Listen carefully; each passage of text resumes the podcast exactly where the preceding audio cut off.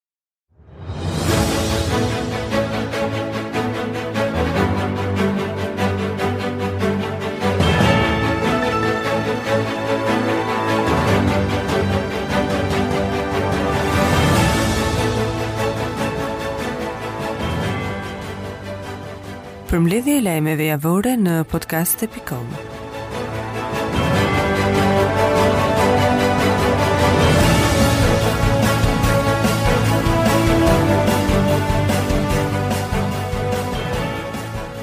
Mbrëmjen e 13 dhjetorit në një market në Tiranë si pasojë e një sherri të çastit u qëllua me armë zjarri një 29 vjeçar. Policia ka njoftuar se autori është shtetasi me iniciale A.S., punonjës policie në qytetin e Dibrës, por që atë mbrëmje nuk ka qenë në shërbim. Ndërkohë gjatë kontrollit të rrobave të viktimës, policia ka gjetur një sasi prej 2.8 gram lëndë narkotike e dyshuar kokainë dhe në vendin e ngjarjes janë sekuestruar një gëzhojë pistolete dhe një DVR me pamjet filmike të ngjarjes. Kreu i Partisë Demokratike Lulzim Basha është shprehur se dyert e Forumit Rinor të Partisë Demokratike janë thyer nga ata që shkuan në selinë blu me Sali Berishën. Sipas Bashës, dyert u thyen me pretendimin se ishin ndërruar bravat dhe ata nuk do të futeshin në zyra. Unë jam informuar që dyert i kanë thyer ata që erdhën me zotin Berisha, i kanë thyer me pretendimin se ishin ndërruar bravat, tha Basha. Ndërkohë më tej foli edhe për Kuvendin e tetëmbëdhjetë dhjetorit dhe u shpreh se Partia Demokratike do të zgjedhë të ardhmen. Në një konferencë për mediat nga selia e Partisë Demokratike, Berisha u shpreh se është në seli jo si kryetar, por rikthimi i tij në krye të partisë është në rrugë e sipër. Ish-kryeministri Sali Berisha ka deklaruar sërish se ai do të jetë një prej kandidatëve për të marrë drejtimin e Partisë Demokratike. Kryeministri i vendit Edi Rama gjatë një dëgjese me qytetarët për ligjin e bashkëqeverisjes ka shpjeguar se tashmë qytetarët kanë të drejtë të ankohen lehtësisht kur administrata nuk u zgjidh problemin që ata kanë shprehur. Në fjalën e tij Rama u shpreh se në bazë të ligjit të gjithë personat që do të gjenden përgjegjës se nuk i janë përgjigjur qytetarëve do të ndëshkohen financiarisht dhe dëmi do të jetë tek rroga e tyre. Asnjë qytetar nuk mund të ankohet në mënyrë të përgjithshme, këtu është një pikë e madhe kthese në luftën kundër korrupsionit në administratë. Përveç kësaj, njëri aspekt është ai i shërbimeve që jepen, që janë mbi 1000 shërbime në e-Albania, Kjo do të thotë që kur qytetari aplikon një shërbim dhe shërbimi nuk i jepet në kohë, qytetarit i lind e drejta duke u drejtuar tek Shqipëria që duam, duke e denoncuar faktin tha Rama. Ministrja e Arsimit Evis Kushi në fjalën e saj ka folur për marrëveshjen e nënshkruar midis Bashkimit Europian për pjesëmarrjen në programin Union, në fjalën e saj Kushi ka thënë se marrëveshja e nënshkruar është në kuadër të kërkimit shkencor dhe inovacionit. Sot miratuam marrëveshjen midis Bashkimit Europian dhe qeverisë shqiptare për pjesëmarrjen e Shqipërisë në programin e Unionit, i cili është një program kuadër për kërkim shkencor dhe inovacion, Bashkimi Evropian synon që të krijojë një treg të vetëm për të nxitur bashkëpunimin midis universiteteve dhe kërkimit shkencor, mbi të gjitha duke promovuar lirinë e kërkimit shkencor.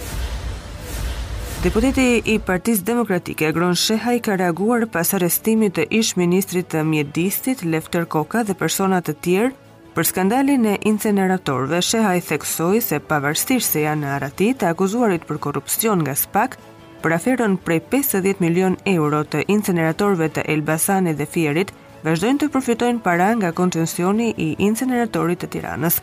SPAK duhet të ndalojë vjedhjen dhe të vendosë nën sekuestro Inceneratorin fantazmë të Tiranës prej 430 milion euro, ku janë sërish të përfshirë të njëjtët njerëz, të cilët janë nën urdhër arresti për korrupsion në aferën e Fierit dhe Elbasanit. Lefter Koka është një emër i njohur në oborret politike. Në vitin 2003-2007 ai ka mbajtur postin e kryetarit të bashkisë së Durrësit, çka shënoi edhe fillimin e aktivitetit të tij politik. Pas vitit dy mijë e shtatë Koka u largua nga Partia Socialiste për t'u bashkuar me Ilir Metën në Lëvizjen Socialiste për Integrim, nga ku arriti të merrte mandatin e parë parlamentar në vitin dy mijë e nëntë. I njohur si një nga katër mandatet e florinta të LSI-së, Koka ishte faktor në formimin e qeverisë Berisha-Meta në vitin dy mijë e nëntë, dy mijë e trembëdhjetë. Pushteti si ministër i Mjedisit u përkthye në rritjen e forcës elektorale të Lefter Kokës, që në vitin dy mijë e shtatëmbëdhjetë filloi sërish mandatin parlamentar, të cilin e çoi deri në fund. Ndryshe nga sa bëri LSI, e cila në vitin dy mijë e nëntëmbëdhjetë i dogji ato. Kjo shënoi edhe divorcin e tij me partinë e krijuar nga Ilir Meta, si edhe kthimin në Partinë Socialiste të Edi Ramës. Lefter Koka prej vitesh akuzohet publikisht për korrupsion nga kundërshtarët politikë, por SPAK me lëvizjen e fundit Duket se i ka dhënë kuptim shprehjes ku ka zë nuk është pa gjë. Koka u arrestua me urdhër arresti të SPAK pas hetimeve për inceneratorin e Elbasanit. Ai u prangos në shtëpinë e tij në Durrës dhe më pas u transferua në drejtorinë e policisë në Tiranë. Sipas SPAK, ministria nuk ka kryer veprimet e plota përgatitore për dhënien e koncensionit. Gjithashtu, SPAK ka konstatuar se në rastin e këtij koncensioni Është aplikuar procedura me negocim pa shpallje paraprake, kur këtë gjë e përjashton ligji. Për këto shkelje, SPAK ka ngritur tre akuza ndaj ish-ministrit, me të cilat u njoh ditët në vijim. Në njoftimin zyrtar të prokurorisë së posaçme u tha se ndaj ish-funksionarit të lartë shtetëror është ngritur akuza shpërdorim detyre, korrupsion dhe pastrimi i parave. Një ditë pas publikimit të lajmit për arrestimin e ish-prokurorit Llalla më 10 dhjetor në Romë, Prokuroria e Posaçme Kundër Korrupsionit dhe Krimit të Organizuar i ka përcjellë Ministrisë së Drejtësisë dokumentacionin e nevojshëm për ekstradimin e tij nga Italia në Shqipëri. Deputetja Grida Duma ka dhënë një mesazh të qartë për Lulzim Bashën kur duhet të kishte dhënë dorëheqjen, duke i thënë se edhe i dhanë sërish votat pavarësisht se Nuk i thanë asnjë fjalë për humbjen e zgjedhjeve, megjithatë ia thotë troç se mbështetja pa kushte ka marrë fund së bashku me respektin për autoritetin moral të Sali Berishës. Kushti i vetëm i Dumës për të vijuar mbështetjen ndaj Bashës është të hapë sytë dhe veshët ndaj demokratëve.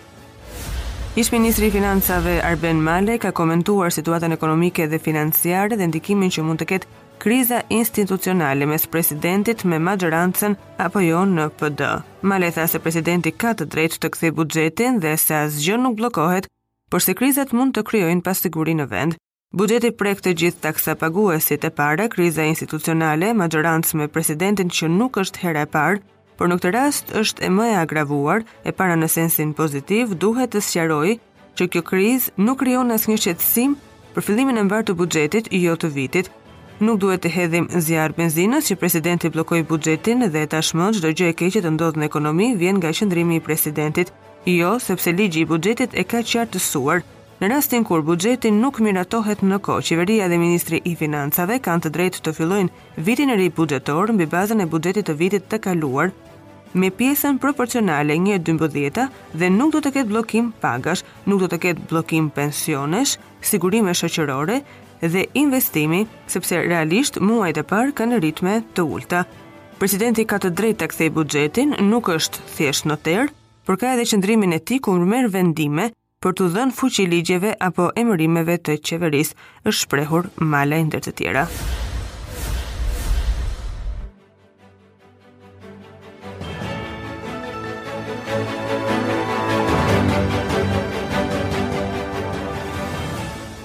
Presidenti Ilir Meta ka pritur këtë javë në presidencë këngëtarin e njohur italian Albano Carrisi, Meta publikoi në Facebook një video nga pritja që i bën këngëtarit, ndërsa shkruan se me zërin e tij dhe muzikën e tij frymëzoi shqiptarët në vitet 80 për liri, demokraci dhe shpresë.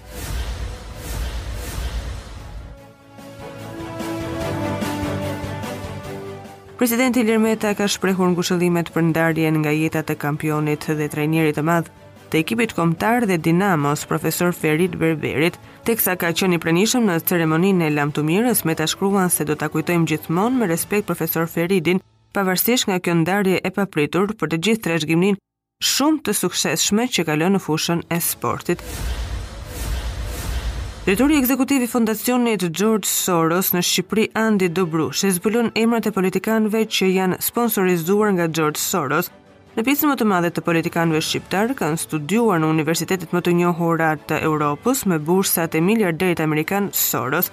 Dobrushi zbulon se mes tyre është edhe Lulzim Basha, i cili falë bujarisë së Soros studioi në Holandë. Zoti Basha është një prej tyre që në rininë e vet ka përfituar një bursë që i ka mundësuar ndjekjen e studimeve në Holandë.